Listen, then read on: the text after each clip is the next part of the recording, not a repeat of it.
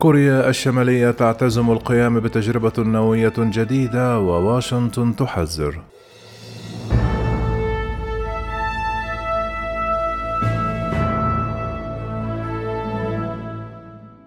حذر مسؤول أمريكي من أن كوريا الشمالية تعتزم القيام بتجربة نووية جديدة قريبا وقال أن بيونغ يونغ تعطي الأولوية لبرامج الصواريخ البالستية على حساب مواطنيها.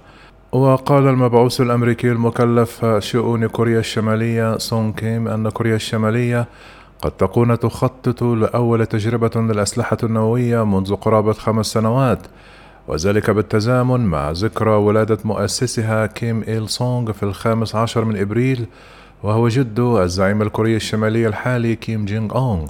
وأضاف كيم أن الولايات المتحدة وبالتعاون والتنسيق مع حلفائها وشركائها مستعدة للتعامل مع كل ما قد يقوم به الكوريون الشماليون معربا أمله في أن يتوقفوا عن القيام بالمزيد من الاستفزازات.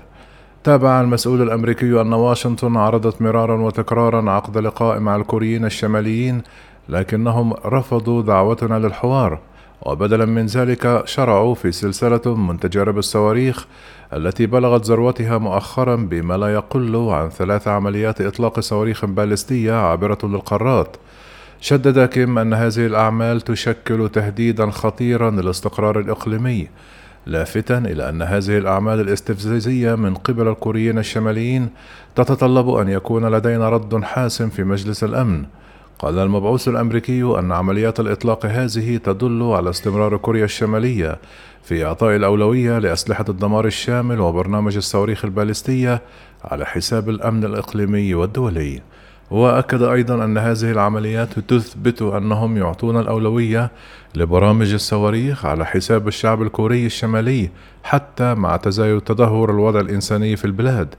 وكما أجرت كوريا الشمالية تجارب على الأسلحة النووية مرات عدة بدءا من عام 2006 وكان آخر اختبار لها في عام 2017 واكتسبت المحادثات الرامية إلى احتواء التهديد النووي لبيونغ يونغ زخما في ظل إدارة دونالد ترامب لكنها توقفت بعد ذلك.